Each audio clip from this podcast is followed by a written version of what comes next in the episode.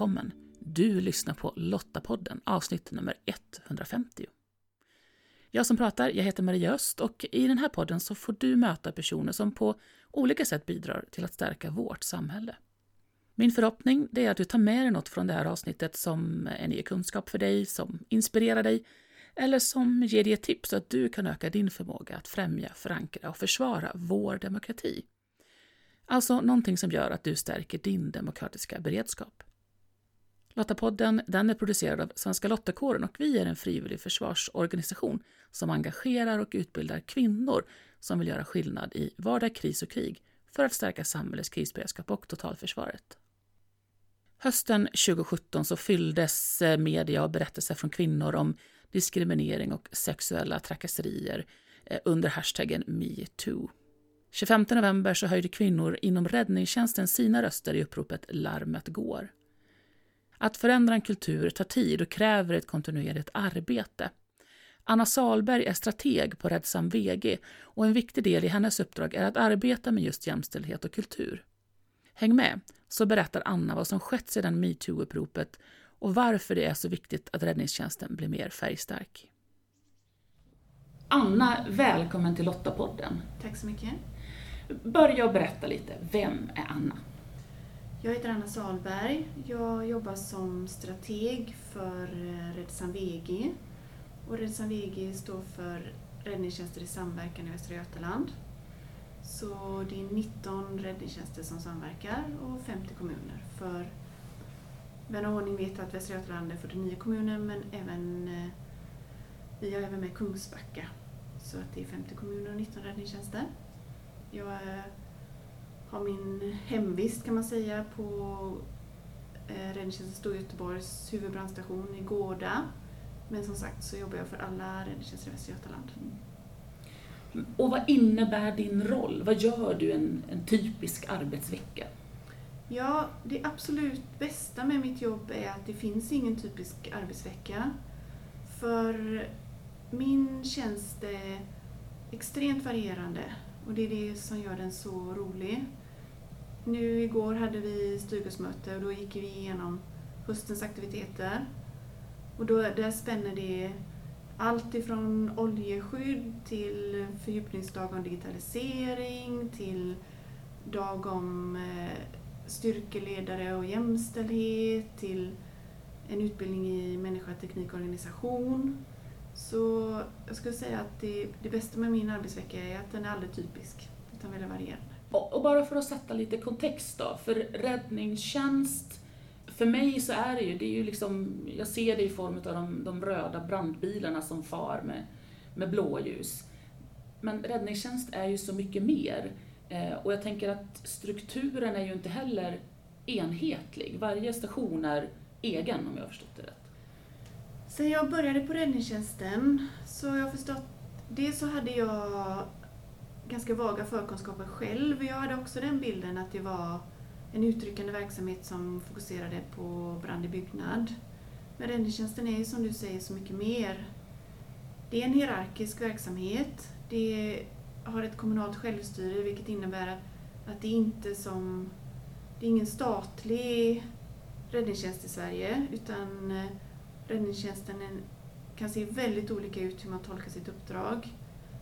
I Västra Götaland så har vi, vi har en, vi har en jättestor räddningstjänst i form av Räddningstjänsten Stor Göteborg. Vi har också ganska små räddningstjänster. Eh, om man ser på Herrljunga eller Strömstad eller Bengtsfors och Åmål. Så förutsättningarna är väldigt olika. Det är även väldigt varierande geografiskt sett. Det finns landsbygd, det finns tätorter, det finns storstäder. Det här gör att vi kan samverka på vissa punkter, men vissa, inom vissa frågor är man, har man sin egen verksamhet. Det finns en väldigt stark trend just nu inom svensk räddningstjänst att man klustrar sig de stora bränderna 2018 gjorde att när man såg på den operativa förmågan främst så, så löste man kanske inte riktigt den optimalt som en liten räddningstjänst. Mm. Trenden är att man bildar större förbund Och man även har större systemledningar när det gäller ja, kanske större skogsbränder eller Mm. större, större naturkatastrofer. Mm. Så svensk räddningstjänst befinner sig i en extremt intressant fas där, där det händer väldigt mycket. Och det finns för och nackdelar med det kommunala självstyret. Så det, det gör det väldigt eh, intressant. Ja, men spännande. Jag, jag tänker också att just eh, möjligheten att samverka och samarbeta blir väldigt viktig i det bredare perspektivet när vi också tittar på uppbyggnaden av totalförsvaret. Att, Ja. att kunna verka under en, eh, en miljö med hot också. Så det är ju väldigt bra att man redan nu börjar jobba och se synergieffekterna av det. Ja, jag tror det finns en enorm vinst. Mm. Framförallt för tredje man. Mm. Just frågan om höjd beredskap har ju aktualiserats enormt mycket på sista tiden.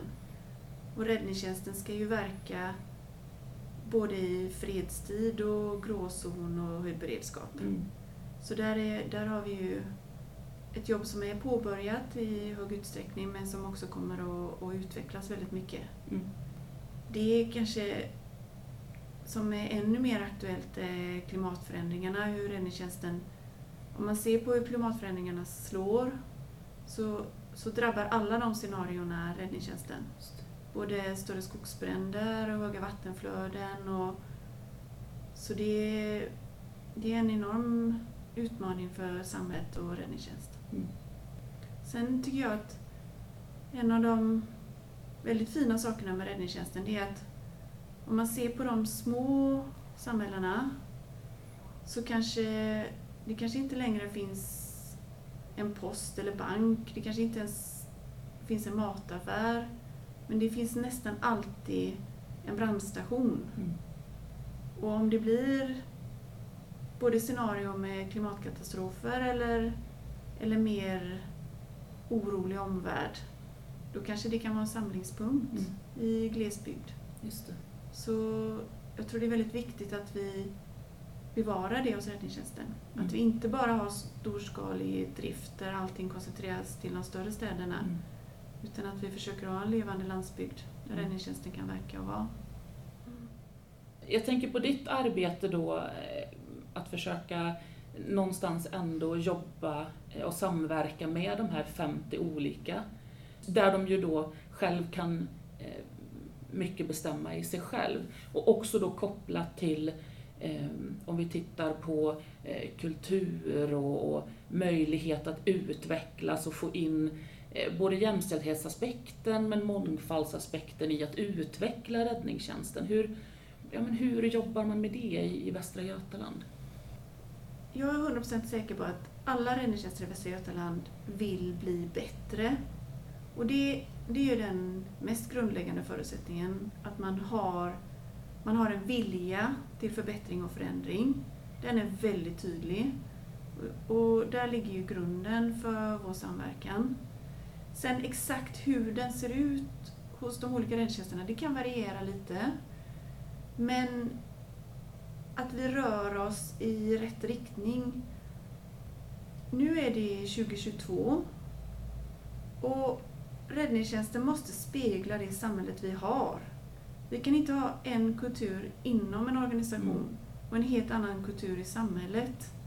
Vi kan inte ha en räddningstjänst som bara består av män när samhället inte ser ut så. Mm. Så vi måste spegla och förstå den omvärld som vi lever i. Det är också en överlevnadsfråga. Om vi exkluderar stora delar av samhället, hur ska vi då klara vår försörjning av personal? Mm. Det är många nu som slåss om samma grupper. Försvarsmakten vill utvidgas enormt mycket. Mm. Polisen växer.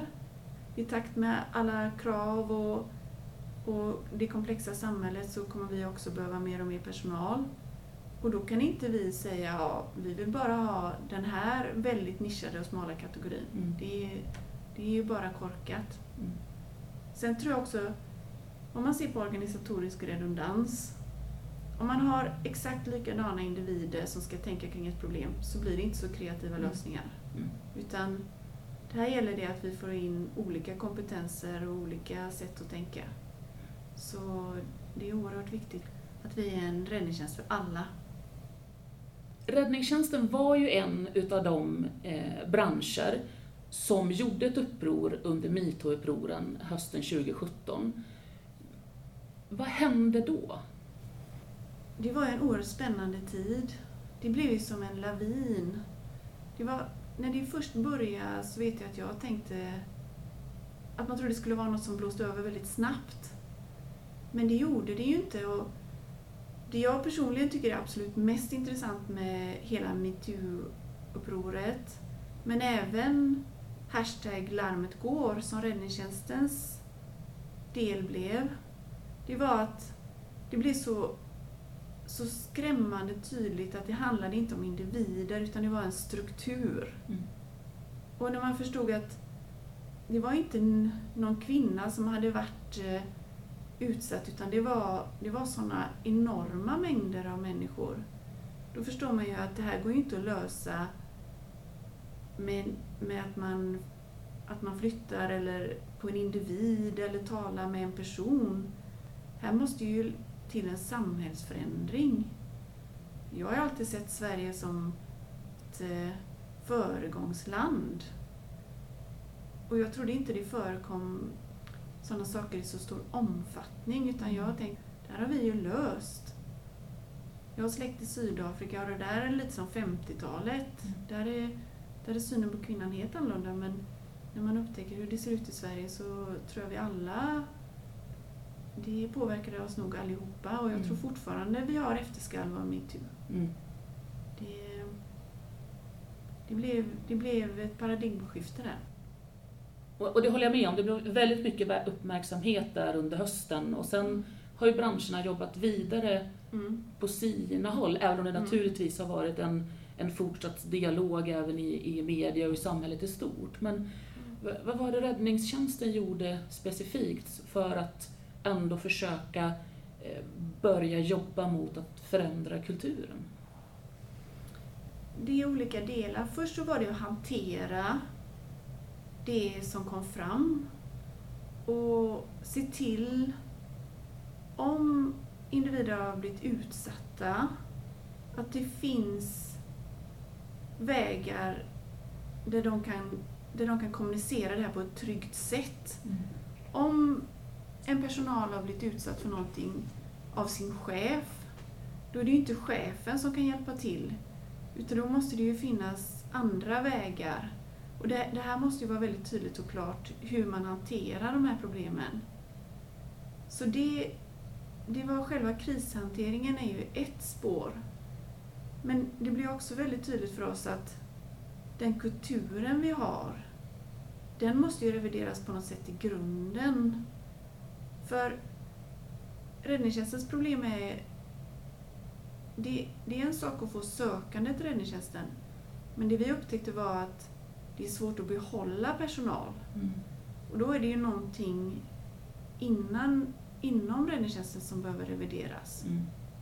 Och det är ju betydligt svårare för då, då kanske det inte är liksom de, de här extremhändelserna som, som larmet går påvisar utan det kanske är det här, den här lilla dagliga kulturen som bryter ner en. Det här, när man pratar om den här droppen som urholkar Mm. stenen.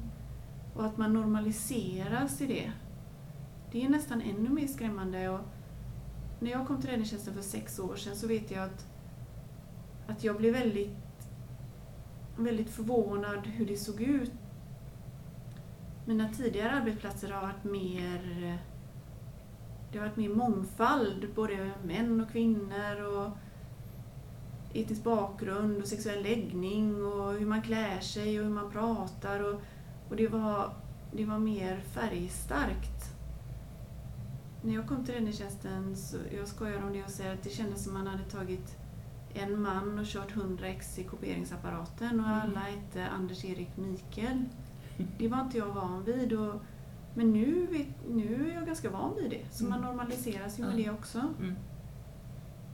Där har vi mycket att göra. Mm. Vilka vi attraherar. Och som du säger, en kultur är ju ingenting man förändrar över en natt. Det är ju ett långsiktigt arbete som måste fortsätta och som egentligen inte har något slutdatum heller, tänker jag. Nej. Och det måste bli en naturlig del, det får inte heller kännas som någonting krystat och konstigt och vid sidan av. Eh, Du var ju med och, och anordnade en, en konferens kring just de här frågorna om vad som har hänt inom räddningstjänsten. Vad, vad var det ni ville åstadkomma där? När jag fick den här tjänsten så var ju det en av de, en av de tydligaste att vi måste, vi måste jobba med jämställdhet och kultur. Så jag tillsammans med MSB, vi anordnade det första genderkursprogrammet för räddningstjänst. Eh, och då blev det väldigt uppmärksammat, men då riktade vi oss till chefsnivå.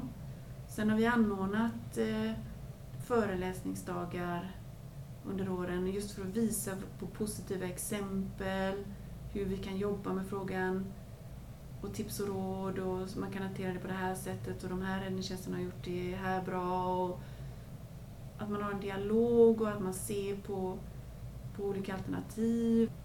Den som du syftar till det var för att det var sån kraft i, i metoo och larmet går och på något sätt så vill jag inte pendeln svänger ju fram och tillbaka och då svängde det ju mycket åt det hållet och sen känns det som det har svängt åt andra hållet också. Vi får inte glömma det. Vi får Mm. inte...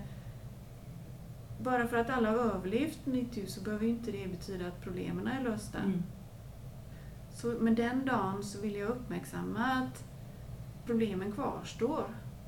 Vi är inte i mål. Det har inte blivit 50% kvinnor i uttryckande verksamhet till exempel. Mm. Det har inte ens blivit 10 procent. Så vi måste hela tiden hålla det här arbetet levande. På den dagen hade vi en genusforskare från, från Göteborgs universitet och vi hade en, en före detta polis som har skrivit mycket om, om kulturen inom polisen och vi hade också kvinnor inom räddningstjänst på, som berättade. Så det, är- nej, det är viktigt att vi, att vi att vi håller det här arbetet levande. Och nu har vi också som sagt en, en hel dag i september där vi riktar oss mot eh, första linjens chefer Mm. som är en oerhört viktig kulturbärare inom räddningstjänsten. För kulturen skapas och upprepas varje dag. Mm. Så det ser jag oerhört mycket fram emot. Och vad är några liksom, nyckelverktyg då för att börja lirka upp det här och skapa förändring? Jag tror verkligen att om man ska ha en chans till förändring så måste man, man måste förstå va- varför man ska ha förändringen, vad den är bra för, vad, vad den har för positiva egenskaper. Man kan inte säga att nu ska vi göra förändring för förändringens skull. Det måste finnas Mm. en vinst i förändring. Mm. Och det finns en oerhörd vinst när vi, när vi ja, får en bättre kultur. Att medarbetare går till jobbet och har en klump i magen, det är ingen bra kultur. Mm. Vi vill vara en modern räddningstjänst. Vi vill vara en modern räddningstjänst som attraherar unga människor som följer med i tiden, som är agil, som, som verkar i nutid. Vi kan inte ha en räddningstjänst som speglar 50-talet. Det blir inte innovativt och spännande då. Och det här har både Försvarsmakten och polisen förstått. Och vi förstår det också, men sen ska vi också göra verkstad av det. Och om du tittar då på allt arbete som har gjorts och det som ändå är planerat framåt, vad är ändå din känsla? Känns det som att det ändå sker förändring? Ja, det sker förändring. Men jag tycker det går för långsamt. Jag vet att det är många projekt, inte minst på Räddningstjänsten Storgöteborg, där satsar man stort och där har man tagit in en extern part som ska jobba med det. Men man kan tro att svensk räddningstjänst, att det är, det är en ganska liten verksamhet på ett sätt. Så de positiva exemplen, de sprids väldigt fort och det tycker jag är väldigt bra. Så så vi har hela tiden bevakning för att se. Till exempel i Skåne har man jobbat länge med de här kulturfrågorna och där har man kommit långt. Och vi kan verkligen lära av varandra. Och en sak som jag verkligen vill vara tydlig med, det, det här är ingen kvinnofråga. Det, här är, det här är en fråga för alla. Mm. Det sista har jag börjat, och det är jag så tacksam över, jag har blivit kontaktad av många män som är trötta på kulturen. Mm. Och männen vill ha en förändring. Mm. De tycker inte om när deras kvinnliga arbetskamrater behandlas dåligt. Och de, jag tror att vi måste hitta kraften i de, i de som vill ha förändring och de får bli lite som ringar på vattnet. Mm. Det, jag tror absolut det kommer att ske en förändring. Sen är det faktiskt en sak med räddningstjänst som jag är jätteimponerad över. Det är att förändring kan gå ganska fort och det är en vinst med det kommunala självstyret. Så hittar man framgångsfaktorer och jobbar med dem så tror jag vi kan få en förändring. Mm. Som strateg för Västra Götaland så har jag förmånen att vara i väldigt många olika räddningstjänster, inte bara i Västra Götaland utan även i andra delar av Sverige. Det jag tycker är allra bäst med räddningstjänst är att det finns en sån enorm social kompetens och det finns en vilja att göra gott. Man är ofta väldigt stolt över både sin, sin räddningstjänst och sitt arbete och det man gör. Och det här tycker jag är väldigt viktigt att värna om. Mm. Och därför tror jag verkligen att positiva förändringar går absolut att genomföra. För eh, vi har många extremt fina verksamheter som jag är väldigt glad och stolt över. Jag tänker att det hänger ihop med det du sa tidigare, att man måste ju hitta eh, varför, alltså hur gynnar det oss, inte bara förändring för förändrings skull. Nej. För det blir ju inte bra. Jag som individ måste ju känna det här, det här gör det bättre för mig.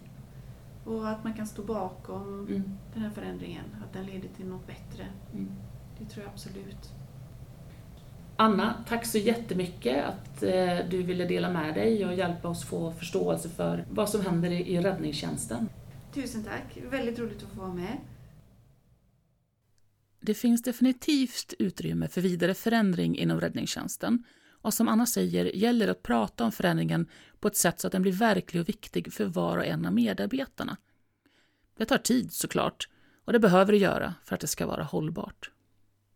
Lästips relaterat till det vi samtalat om i det här avsnittet det hittar du på lottapodden.se. Och om du, precis som Svenska Lottakåren, tycker att fred, demokrati och mänskliga rättigheter är värda att försvara och du vill vara med och göra skillnad för vårt samhälles krisberedskap och totalförsvar, ja, men då ska du gå till svenskalottakåren.se.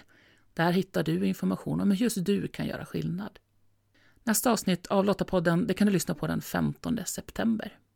Så om du inte redan gör det, prenumerera på Lottapodden så får du nästa avsnitt automatiskt i din poddapp så fort det släpps. Du hittar podden bland annat i Apple Podcast, Podbean eller på Spotify. Och om du gillar Lottapodden, berätta gärna för andra om den. Och lämna gärna en recension på Apple Podcast så hjälper du fler att hitta till podden. Och tack för att du lyssnar. Hej så länge!